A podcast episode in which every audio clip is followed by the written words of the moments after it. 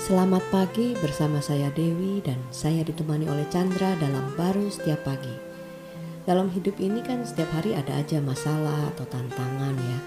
Nah, masalahnya itu sebenarnya bagaimana kita bisa melihat masalah atau tantangan itu apakah lebih besar daripada apa yang kita percayai. Seperti dalam bilangan 13 ayat 33 dikatakan, juga kami lihat di sana orang-orang raksasa, orang enak yang berasal dari orang-orang raksasa. Dan kami lihat diri kami seperti belalang, dan demikian juga mereka terhadap kami.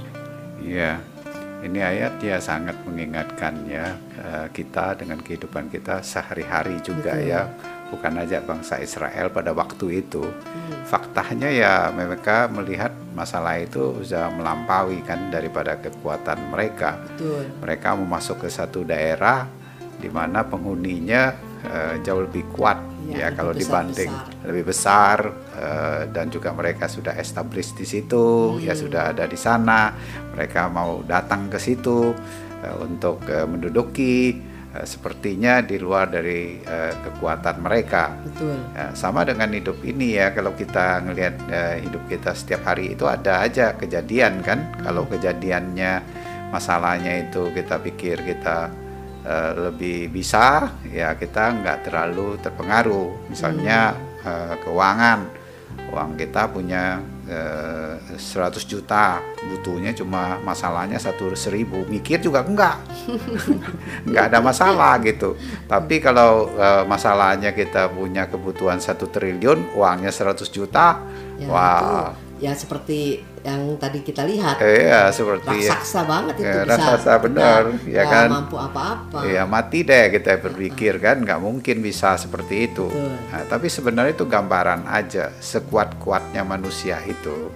Tentu yang dihadapi masalah hidup dia dengan tuntutan yang ada eh, dan juga di dunia ini sudah dia tidak bisa lagi eh, mengatasinya terbatas aja ya kan kita menghadapi masalah eh, tuntutan untuk eh, hidup sedangkan kita ada kematian ya kan Hmm. Eh, maka itu Tuhan itu eh, menyelesaikannya melalui eh, percaya kita kepada Kristus yang menebus hidup kita ini Yes.